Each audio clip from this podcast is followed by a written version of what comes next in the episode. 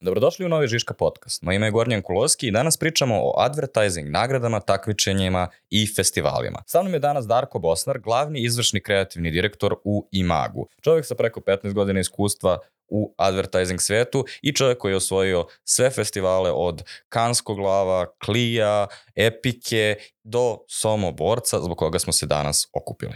Darko Vikejsović su već godinama prepoznati kao jedni od najboljih na ovom festivalu i zato sam ja danas došao u Zagreb da sa njim popričam malo više o tome kako se pravi dobar case. Ako ste u advertising svetu, onda ste verovatno načeli da su prijave za borac produžene do 25. oktobra, odnosno 25. u 10. mesecu, što znači da imate još četiri dana da skockate dobar case i sigurno je dobra investicija vaših sat vremena da poslušate Darka kako se prave dobri kejsovi, ali pored toga i malo širu diskusiju o tome čemu služe festivali, gdje su trenutno sada, šta su problemi sa njima i šta su sve moguće rješenja. Ajde sad ispravamo par stvari.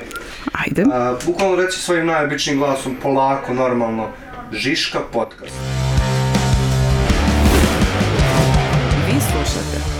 podcast. I to je često problem koji na primjer, neki klijenti kažu nikada javno, ali postoji ta rečenica agencije se previše fokusiraju na festivale, a premalo na biznis rezultat.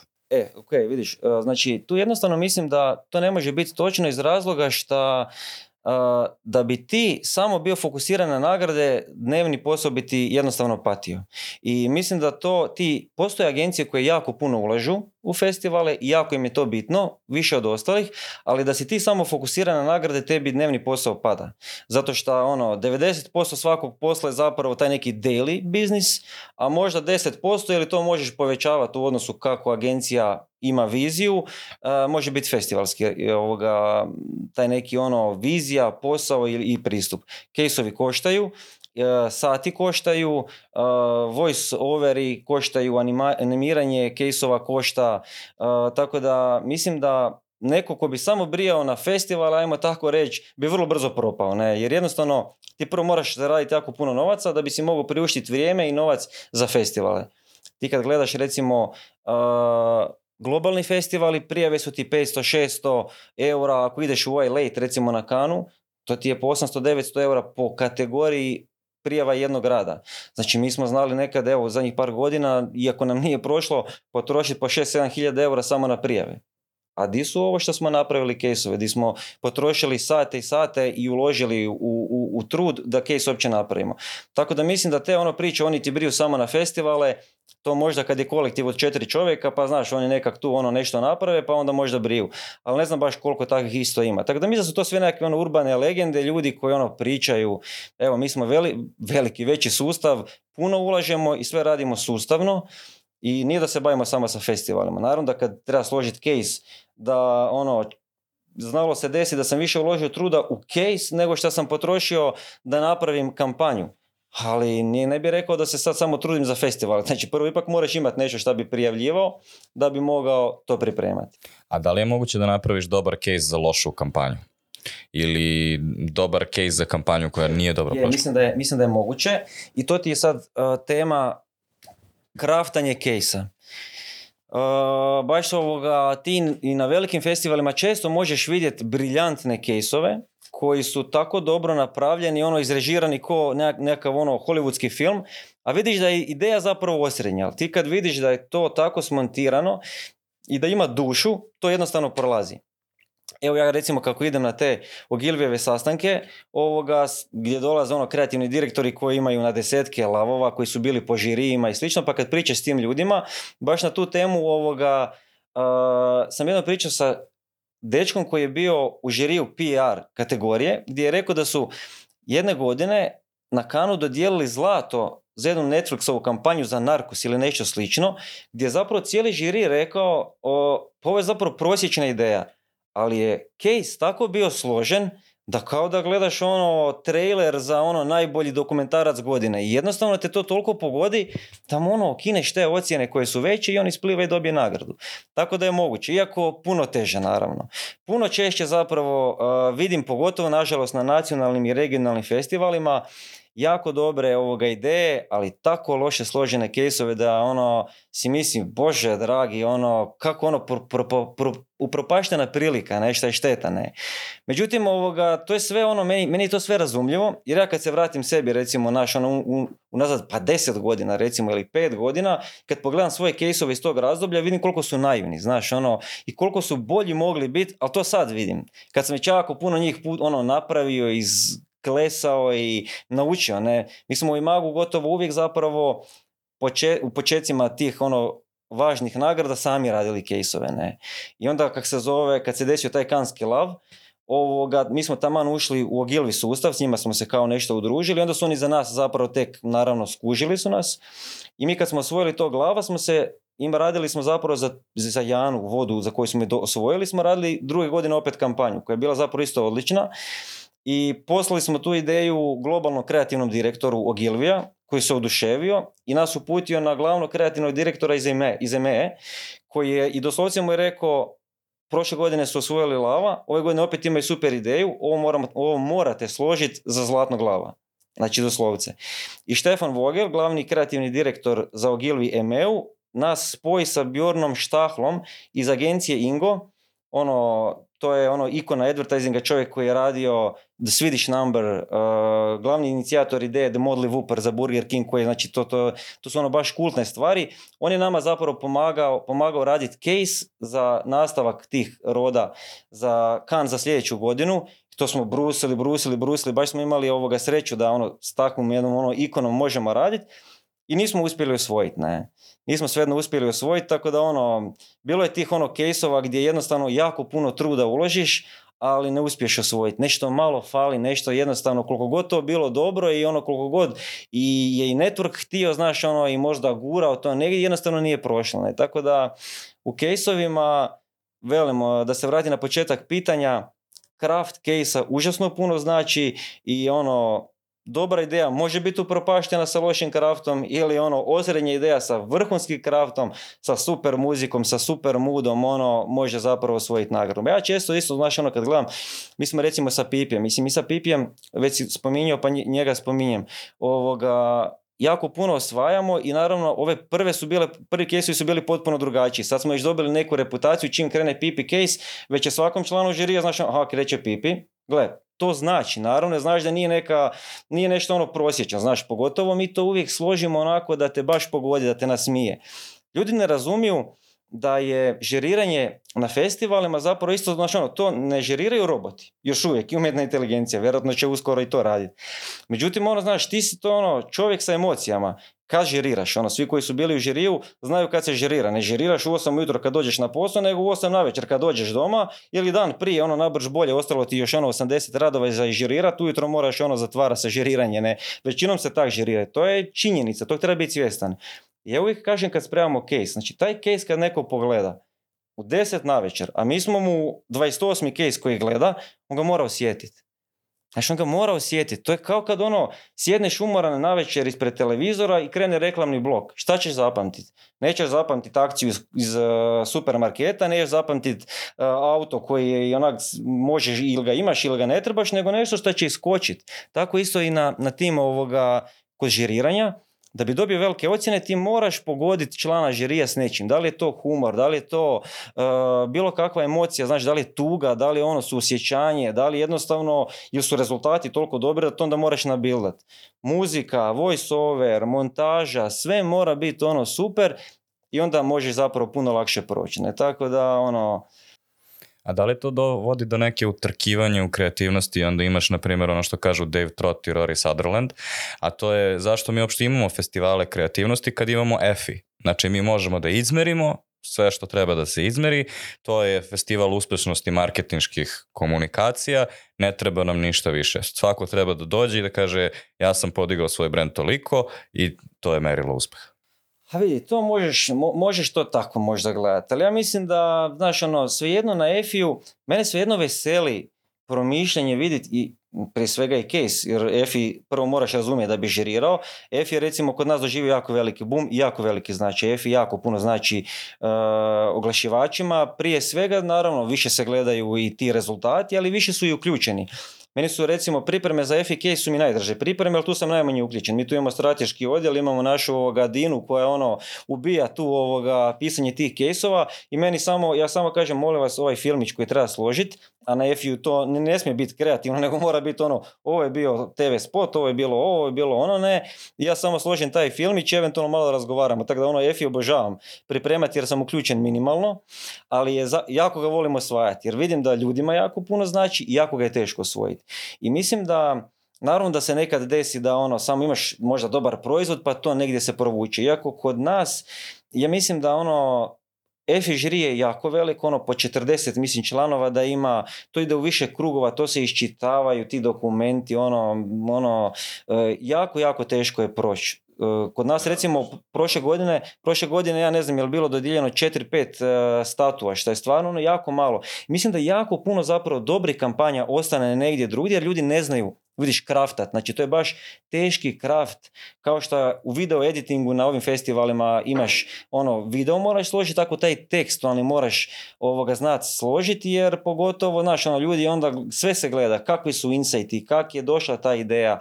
Znaš, nije da to da je sad neko ono napravio najbolji sladoled, najfiniji pa je to najbolji proizvod ili ne znam šta drugo karikiram, pa će to osvojiti EFI jer je bilo uspješno. Neće. Mora opet sve biti nekako ono alajnano. Ali mi jako žao za vidjeti neke kampanje koje su velike, koje su zbilja promišljene, pa to se i nama često znalo dešavati, ostane na nekim tamo short listama, ja ne znam šta se desi ono, u tom žiriranju da ovoga, to jednostavno ostane dolje. Dok recimo u zadnjih par godina isto desilo se često da su neke ideje koje su bile više ono, pa ja bih rekao ideje namijenjene kreativnim festivalima na, na ovoga EFI-u isto uspjela osvojiti nagrade. Di ono kasnije kad pričaš s ljudima i žirija, svi su ono bili, znaš, u fazonu što bi vi Srbi rekli ono, ovo ne može osvojiti jer ono, ovo je možda za ideju i nešto, pa opet je to, znaš, kad je to neko pogledao, kad je to bila neka simpatičnost, opet je to nekome tamo vjerojatno u 9 na večer ono bilo okidač da, da veću ocjenu i evo ti njega na metalu kužiš.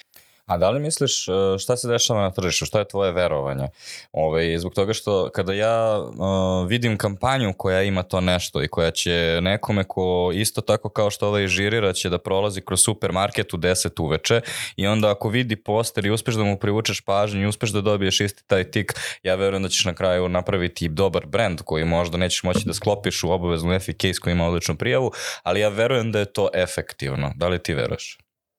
Eh, da li efektivno misliš kao... Da li je efektivno napraviti dobru foru, dobru kampanju, čak i ako možda ne možeš da je izmeriš? Da li možeš da izmeriš svaki put kada napraviš dobru kreativu? Pa znaš šta, ta mjerenja, evo iskreno, ovoga, eh, zato ja volim strateški odjel koji jako brije na te broje. Meni su inače uvijek brojevi bili, znaš, ono, nešto totalno abstraktno. Ja kad sam na faksu dao zadnju matematiku, kemiju i fiziku, rekao sam ja, život počinje za mene, nema više brojeva. Ne. Što se tiče tog mjerenja, a gledaj, ti uvijek možeš naravno reći, Znaš, ili si proizvod prodao ili proizvod nisi prodao. Znači, ok, imaju parametri različiti brenda, Vernis, ovo, ono, nemam pojma, ne. Mislim da, ne, ne, ne znam ti zapravo ono, mislim da je to onak, mogu retorički isto govoriti, znaš, uvijek ako nešto kreativno napraviš, privući će i ne, ne znam, evo. A još jedna kritika za advertising festivale je nešto, znaš ko je Tom Fishburne, onaj marketunist? On je lik što crta one ove, ovaj, stripove koji su sad ove, ovaj, dosta popularni. On kaže da su festivali pogotovo Cannes, pogotovo internacionalni festivali, postali previše društveno osvešćeni i da su kejsovi koji dobijaju kanske lavove postali utrkivanje virtue signalinga, odnosno svi pokušavamo da dokažemo kako smo spasili svet, ali na kraju dana u stvari svi živimo od toga što prodajemo čokoladice, sokove i slične stvari. Pa, mislim, slažem se. E, slažem se u jednu ruku i to je baš velika tema ovoga na, na, na festivalima, da sve je postalo društveno odgovorno. Šta je ono stvarno just fine. Ja mislim da je super i ono što ja često znam reći, ono, brendovi imaju budžete i imaju snagu da naprave, znaš, imaju mogućnost da naprave nešto društveno korisno. I to je super, ne? Jedino što je sad na tim festivalima zbilja u svim kategorijama je nešto društveno odgovorno, ono, napravljeno. Ne? I sad naravno da su to agencije proključale da više nije to sad samo znaš ono kategorija društvena odgovornost ili taj neki CSR kako god se to negdje zvalo nego sad ti imaš ono u ovim regularnim kategorijama to tako ispričeno iskraftano da je odmah to gurnuto u prvi plan. Ne? Međutim to je ono što je recimo jako važno na festivale, na festivalima. Ja znam ono kad sam krenuo u početcima svojih rađenja kejsova znači imaš kampanju i onda sve staviš ono imao si benere imao si plakate, imao si i sve, sve šta si imao staviš u taj case, što je potpuno pogrešno. Treba vidjeti šta je naj, najbitnije da se ispriča priča i samo to staviti u, u, u, u kategoriju u kojoj prijavljaš. Znaš, ono, ako je u cijeloj 360 kampanji Banner taj koji je imao najveću foru, daj samo oko njega ispričaj priču. Jer to je bitno, ne? Tako da, ovoga, a šta je još nešto što ljudi greše kada prave caseove? Evo sad si rekao jedna stvar je da se pokušavaju um, da stave sve kao da prave izveštaj, a umjesto da prave priču, ali šta bi ti rekao da su još neki ono, gde ljudi greše, de ljudi... Pa ja mislim da je, da je ono početna pogreška je što moraš prvo, to je kao kad radiš kampanju za neki proizvod. Znači prije svega moraš znati ispričati priču. Case je priča. Znači ti moraš smisliti neku priču kako da nekom žiriju ispričaš zašto je tvoj taj rad, ta kampanja, ta džiđa neka koju prijavljuješ, baš treba dobiti nagradu.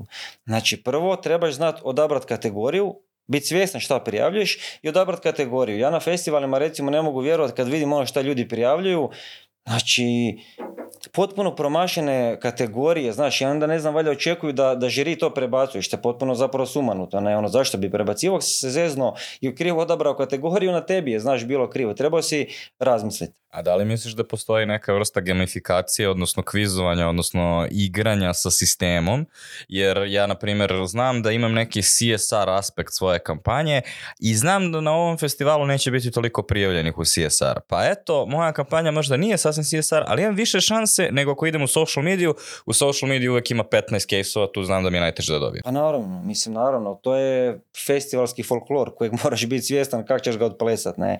Znači mi kad radimo recimo za regiju mi je puno teže, ali nacionalno više manje 99% stvari znam šta će biti prijavljeno. Znaš, ono, cijelo godinu, znaš, ono, sve agencije imaju društvene mreže i objavljuju čime nešto dobro, to se objavi. Ti znaš na kraju godine šta će, ne znam, na jednu ideju X biti prijavljeno i onda znaš u kojoj kategoriji će biti, znaš, ono, gušće, gdje će biti više radova i naravno da tu moraš kalkulirati, ne, ali ja uvijek imam, znaš, ono, filozofiju, ako možeš prijaviti u šta možeš, u to prijavi. Gotovo, znaš, ono, mi često znamo ono, je da li u kategoriji pića mi već imamo nešto prijavljeno, da li da prijavimo i još nešto, jer sami sebe kanibaliziramo. Ono, ne, potpuno pogrešno.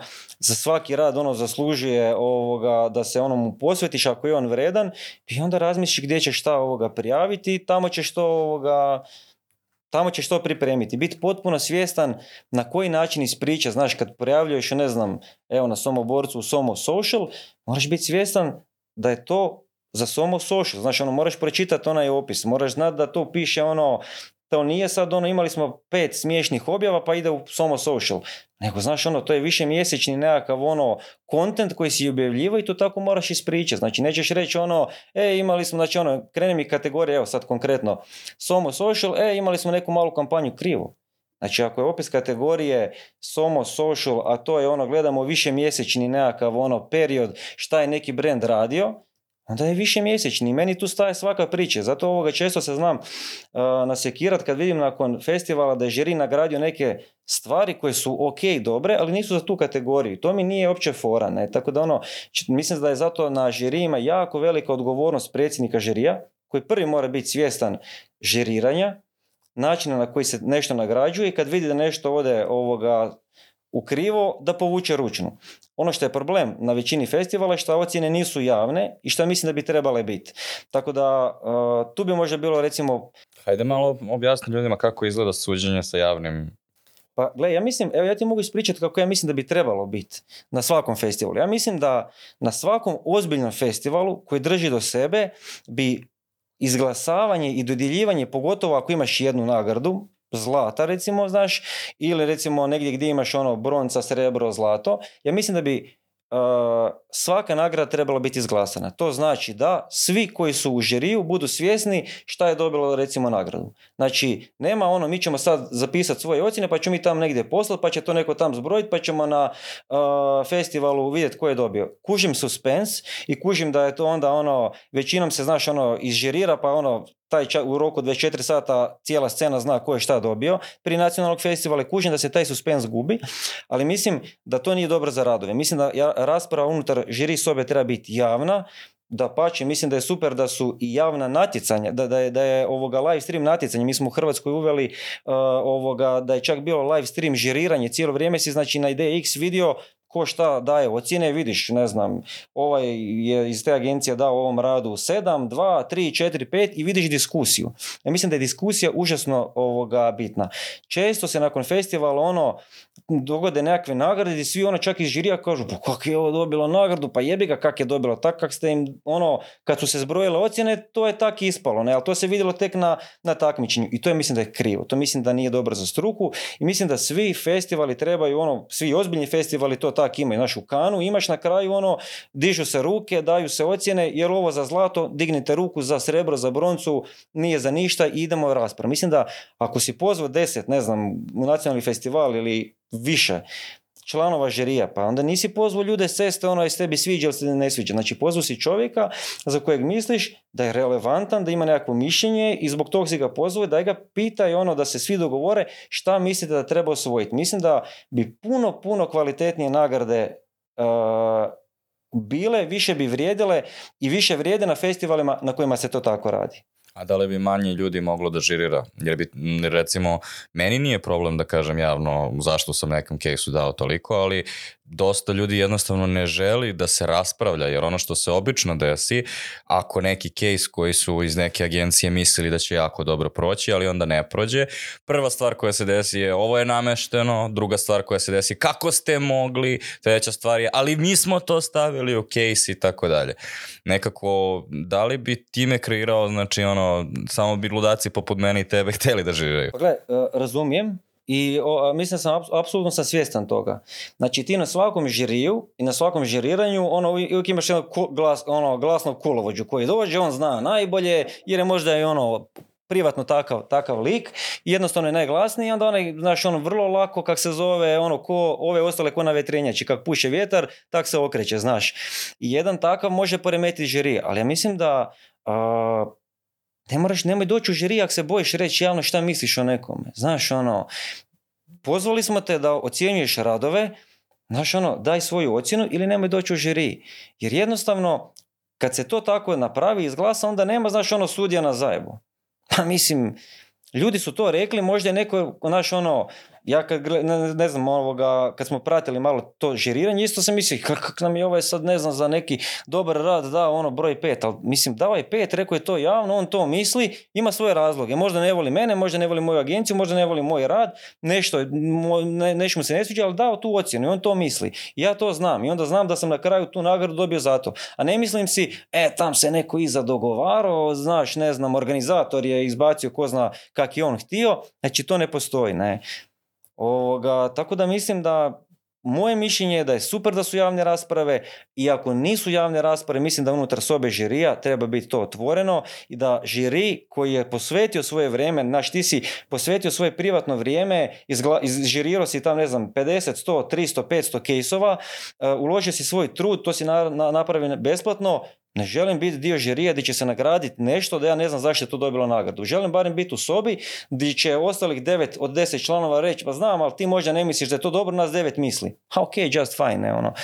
A ne da onda, znaš, ono, po neki, ono, ono, radovi za koje si misliš, ono, šta je sad ovo tu? I naravno uvijek šta ima... Koliko se, kad se pokrene ta diskusija, šta je tvoje iskustvo? Koliko se promene stavovi ljudi? Recimo, ja sam nedavno bio predsjednik žirija za Mix, naš, i ovaj, mi smo imali isto tako posle tog inicijalnog glasanja, smo imali neke čudne pobednike u kategorijama i onda smo otvorili diskusiju o njima i ovaj, za skoro sve kategorije smo imali neku vrstu, recimo negde nismo možda pobednika, ali smo finalistu, odnosno drugog koji se takođe objavljuje, smo često menjali, ovaj, jer bukvalno smo imali taj trenutak da, evo ja, ja sam bio predsjednik žirija, znači dodatno sam se potrudio da pažljivo pogledam svaki case, ali mi se dešavalo da ono u nekoj kategoriji mi kolege kažu, a ne, pa ti si propustio totalno kao to je u ovom trenutku case i kao posle kad sam pogledao, da, jesam propustio i kao video sam to. Ali koliko vidiš da se ta diskusija koja se dešava u stvari utiče na rezultat? Pa utječi, sam si sad rekao, evo, znači upravo si najljepše opisao ono što ja mislim da je najveći problem. Ti si kao predsjednik žirija se dodatno potrudio nešto gledati i nešto ti je možda promaklo. Što je potpuno ljudski, kuži, znaš ono, i onda krene diskusija i neko kaže, ljudi, ali ovaj brand je to napravio zato, kontekst je tak, tržišta bio takav, napravili su to zbog tog razloga, zato mislim da je to baš doprinijelo da taj case ostvari te rezultate ili nešto. I mislim da je to ja, to je zapravo ono ljepota te diskusije, da se ne produvuče nešto što znaš ono, u gledanju 40 kesova jedan taj ti je ono koji ti nije trebao promaknuti, promaknuti je. Ne? I mislim da jednostavno ovoga, dobra diskusija, dobri argumenti. Ja isto često pogledam neke stvari, misli ovo je, ovo ono, totalni prosjek, onda mi neko kaže, e pa da, ali vidiš, ovo ili ovo tu nisi shvatio, ok, kužim, i prihvaćam ili ne prihvaćam, ali to je onda opet moje mišljenje kao ono, pojedinog člana žirija, ima nas više, idemo iz glasa, znaš, ono, svi kao, kao skupina, ali mislim da moramo biti svjesni šta se i za, zbog čega dodjeljuje. E sad, ovaj, ja sam veliki vernik u to da ljudi reaguju na sistem koji napraviš i to mi je sinulo kad sam studio EFI zato što sam shvatio da je najveća prednost EFI je taj globalizovani sistem koji dolazi i ti znaš imaš ono mustru kako treba da se organizuje to. I sada ću te pitati set nekih pitanja vezano za pravila žiriranja koja misliš da su cool. Na primer, rekao si jednu stvar, je obavezno treba da bude diskusija, cool, ali još jedna stvar je koliki misliš da je maksimum case koji jedan sudija može da sudi na nekom festivalu? Ovisi. Znači na efi jako mali broj, kao što i dobiješ. Ti na EFI-u, ne znam, u Hrvatskoj ima puno članova žirija, nisam žirirao, ali znam da tipa jedan član žirija dobije, ne znam, 10-15 možda kejsova i to stvarno trebaš onda poručiti i tome se možeš posvetiti. Ti kad žiriraš recimo, ne znam, neki veliki festival, Mislim, ti dobiješ ono po 200-300 nekakvih kesova to je sumanuto. Ono. To, je, to je potpuno sumanuto uh, za, za i ja mislim da je i potpuno pogrešno. Bolje onda angažiraj veći žiri i raspodijeli kak spada. Jer pazi, ti dobiješ nekakvih, ne znam, 150 kesova za žirirat. Pa ko to može pregledati u sav dnevni posao koji ti moraš... Znači, jednostavno je realno za očekivati da se ne posvetiš kak spada. Nego, znaš, uđeš u to sučelje, stisneš tam play, krene dosadni case, povučeš. Znači, i to je jednostavno se događa. Uh, previše caseova dobiješ, ne možeš im se posvetiti i onda ih letimično pogledaš i tu ti ovoga prođe nešto. To je recimo problem kod uh, festivala koji nisu toliko bitni. Znači, ti kad dobiješ recimo, kad si u žiriju Kana, to je velika čast i ne pada nikom na pamet da nešto zezne, znaš, sve se proučava. Dok recimo neki festivali kao što su, ne znam, New York Festival, uh, Ed Stars Festival, oni puno širi žiri zapravo uzmu. Naš taj level uh, žirija je ono sa puno, ljudi su sa puno manje iskustva i mislim da možda niti ne toliko dovoljno se ne posvete, znaš, niti su možda spremni izžirirati u toj predselekcijskoj fazi. I često možeš vidjeti da ono neki kejsovi koji su stvarno ono dobri, ostanu negdje dolje, ono, ne uđu niti na short liste, ne. Jer jednostavno, ono, previše toga je bilo na nekom tam članu iz ti žiriraš neki festival, ono, u New Yorku, u Aziji, nemam pojma, ono, kak se zovu svi, ovoga, masovno i jednostavno output je loš. Znaš, ti, i e, šta je tu? Tu ti najbolje onda prolaze ovi već nagrađivani kesovi koje si negdje vidio. Pustiš, a ovo znam, to je sigurno super, odmah ocijeniš dobro i idemo dalje. Ne? Tako da mislim da da li je jedna stvar koju treba da organizuješ obavezan zajednički sastanak žirija koji traje ceo dan ili pola dana? Jer ono što je moje iskustvo je svi smo zauzeti ljudi, uvek radiš sa nekim direktorima, marketinga, kreative ili agencija i sve njih organizovati bez toga da bukvalno imaju mesec dana unapred blokirano. Vi ste ovaj dan, ne postojite ni za što drugo. Ali jurenje ono da, kao što si ti rekao, ovaj, ako, ih, ako ostaviš neki rok, to će sigurno na kraju biti dan pred rok, u 10 uveče, posle trećeg podsjećanja i kao vidiš da svi popunjavaju odjednom jako brzo, popunjavaju sve ocene. Pa da, gle, mislim, to, je, to, je, to se opet vraćamo na ovo da bude diskusija, apsolutno. Znači, mislim da svi moraju, ti si, pristo si biti član nekog žirija, znači neki festival te valja znači, moraš uložiti neko vrijeme za to i moraš biti toga svjestan. Znači, ono, benefite koje ti iz toga možeš dobiti je znanje za tebe i nekakav PR za agenciju da ima člana žirija na nekom festivalu. Moraš mu se posvetiti, znači moraš pregledati te radove i apsolutno onda zajednička diskusija. Naravno da ona traje pol dana, dan, nemam pojma, ti moraš uložiti to vrijeme. To je odluka agencija sustava korporacije da li u tom sudjelu ili u tom ne sudjelu. To je ulaganje. Kao što ideš sa klijentima na poslovni ručak pa onda pol dana ste ne znam negdje i to je ulaganje u takav dio ovoga biznisa. Ne? A um, reci mi koliko je bitno da festivali o, edukuju ljude. Jer sa jedne strane kao postoji neka prezumpcija da se na taj festival prijavljuju ozbiljne kompanije i ozbiljne agencije, a sa druge strane um, kada radimo tu edukaciju ako ne tada? Evo recimo sada samo borac je ovaj, izbacio vodič za prijavu. A, da li su takve vrste inicijative nešto što festivale treba da rade? Pa da, sigurno. Ja mislim da da mislim da sigurno mogu pomoći. Mislim da se razumijem Nijedan vodič tebe neće naučiti raditi kejsove Naučit, te ćeš kejsove raditi tako da ćeš ih raditi, raditi, raditi iz godina, godine u godinu, pet puta nećeš ništa osvojiti, bit ćeš jako isfrustriran, ljut, misleći da si prevaren, da si bio bolji od drugih, ali ćeš razmišljati o tim svojim prijavama i radovima kako ih unaprijediti. I onda ćeš biti jednostavno bolji. Ove rasprave, vodiči su naravno nice to have i super da ih imaju. Ja mislim da je super recimo imati nekakve isto panele koji su možda još i zanimljivi. znači ti e-bookovi su uvijek ono super ono dokument, ali ja mislim da više prolazi kad ljudi, znaš, dođu na neku diskusiju, pa se pokaže, ne znam, ono, tri, četiri kejsa, pa, pa, se kaže, evo, ovo je bilo dobro u ovom kejsu, vidite kako je to napravljeno, ima glavu i rep, ispričan je proizvod, bit, kontekst i sve skupa, ne. Jer ljudi, ono, znaš, krenu, a, imali smo kejs, meni kad krene kejs na nekom festivalu, Brief je bio da napravimo to. Naša ideja je bila doviđenja. Znači, gotovo. Znači, već vidim da je neki amaterizam u pitanju. Znaš, ono, uh, case mora biti priča. Tu priču naučiš tako da gledaš druge kako su napravili super caseove i ti radiš caseove svoje koji će biti kao priča, kao TV spot. Nema, znaš, ono, ideja nam je bila, brief je bio, onda smo mi zakupili, me, no, no. Daj mi ispričaj Netflix dokumentarac, ono, hoću da me to zabavi. Znaš, ono, posvetio sam dvije ili tri minute života, ono, gledanju tvog kejsa, ono, ako želiš veliku ocjenu, moram to osjetiti, ne. Tako da ono, to je ono kad smo pričali malo prije, ono, ima toliko super ideja koje su ono loše ispričane i onda znaš ono, jedva da se provuče na nekakvu short listu, a možda zasluži ono zlato svoje, znaš. A jedna stvar koja mi u pripremi ostala, a ne znam šta je, pa sam ostavio na kraju da te pitam, šta znači ghost na festivalima? E pa gosti su, Ghost je rad koji je napravljen samo za festival. Znači, to je bilo recimo aktualno prije desetak godina dosta ono kod nas dosta se o tome pričalo, sad primjećujem da se nekako, da je toga sve manje i manje. Znači to ti je ovo tu što si pričao, znači ono, agencije žele jako osvojiti nagrade, iz daily biznisa nemaju dovoljno dobri rad, dovoljno dobar rad ili kampanju koju bi prijavili, pa onda smisle za nekoga nešto da je kak ti bilo. Ne.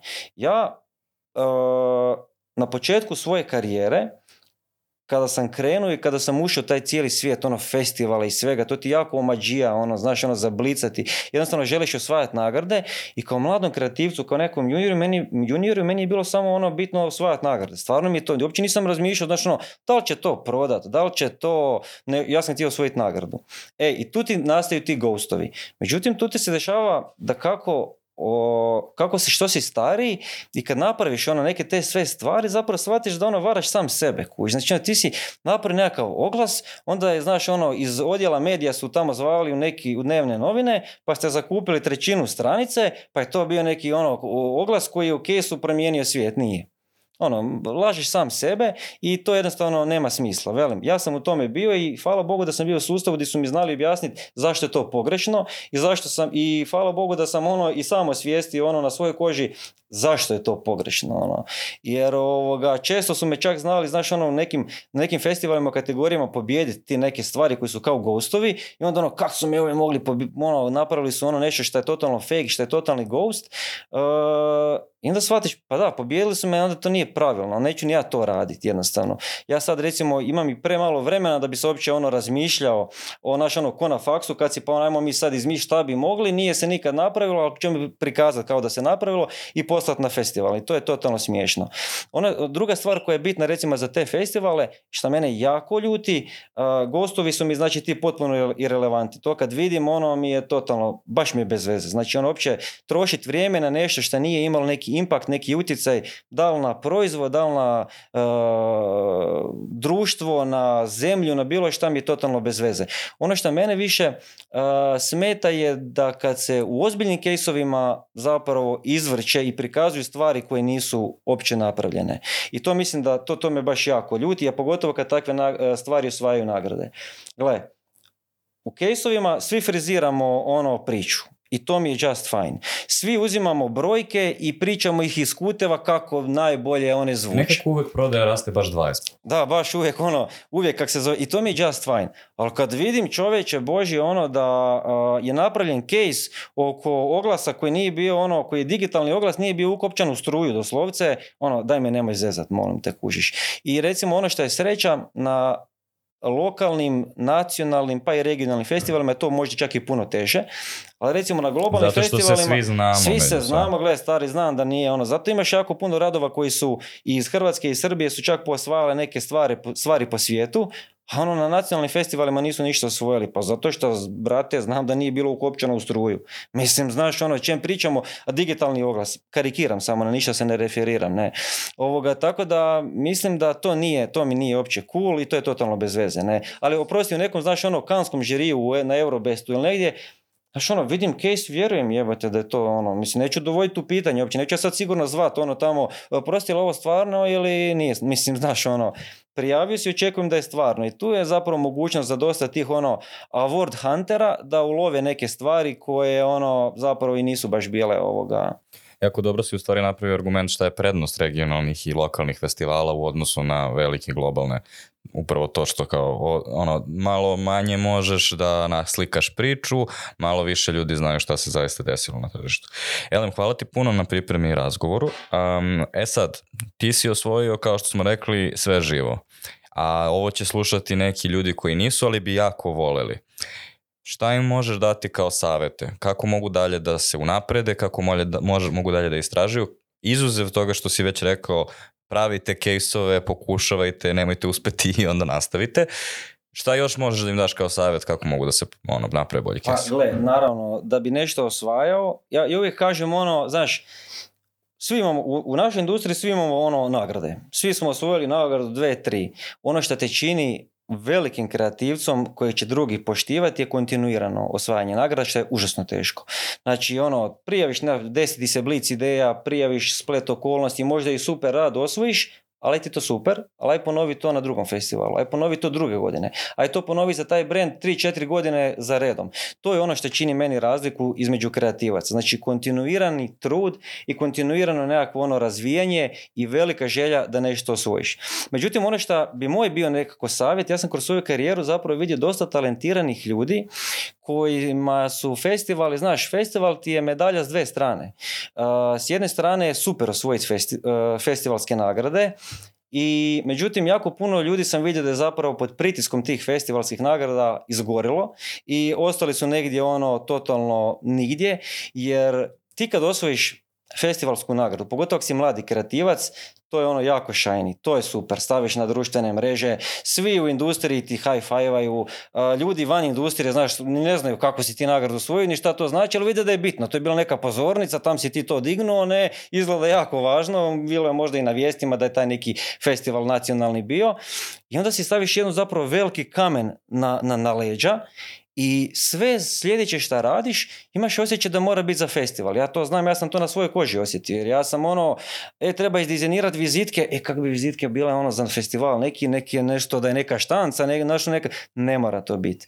Znači, e, sve što radiš ne mora biti za festival, ti trebaš težiti u svom radu da radiš dobre stvari, da se razvijaš i da to onda možeš nešto od toga prijaviti na festival.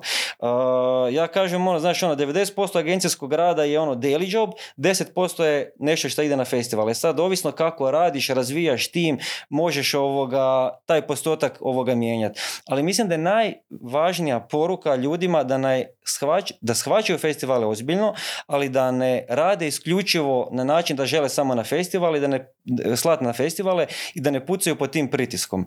Jer jako puno ovoga kolega koji su bili talentirani, jednostavno, znaš, ono, osvojili su nagradu, to te malo i umisliš se malo, naravno, to je potpuno ljudski, znaš, ono, osvojio si nagradu, to je jako važno, ono, pobjedio si kolege u, ne znam, ono, nekoj kategoriji, znaš, jako si si važan, ali jednostavno onda si staviš taj ono kamen na leđa koji nosiš potpuno nepotrebno, ono, potpuno nepotrebno, treba se samo opustiti i ono, htjet napraviti dobar rad, a onda kad dođe ono vrijeme za to, onda ga samo pripremiti i i vidi šta će se desiti. Ne?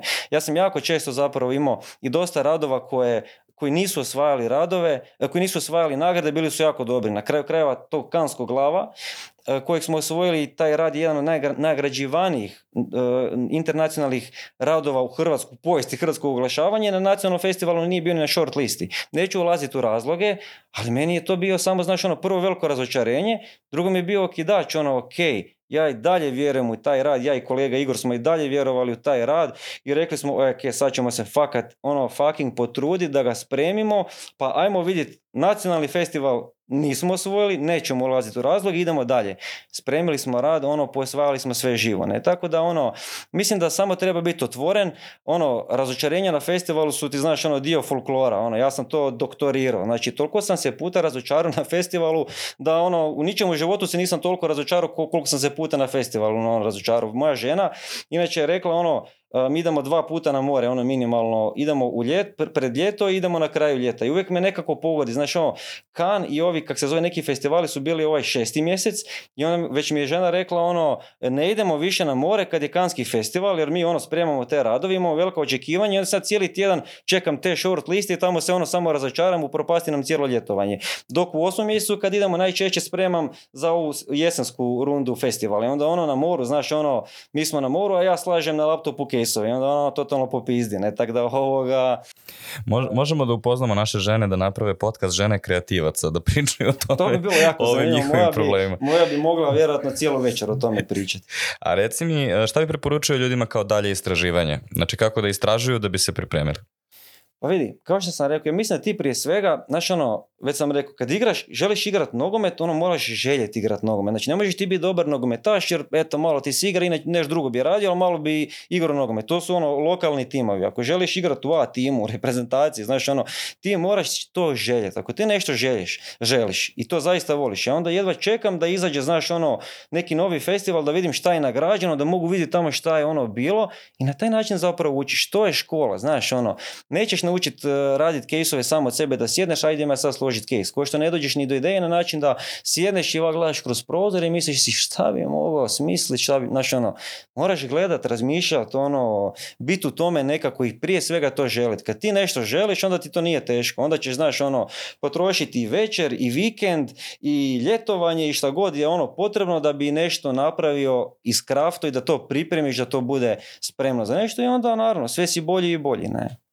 Ja bih također preporučio nešto, ti si meni u pripremi poslao tvoj portfolio i jako redko je vidjeti da neko ima ažuriran i ovaj, ono, potpun portfolio. Čak i kao agencije često zaborave da stave u celoj, ono, na sajtove i tako dalje. Tako da na Behance-u kako ljudi mogu te nađu?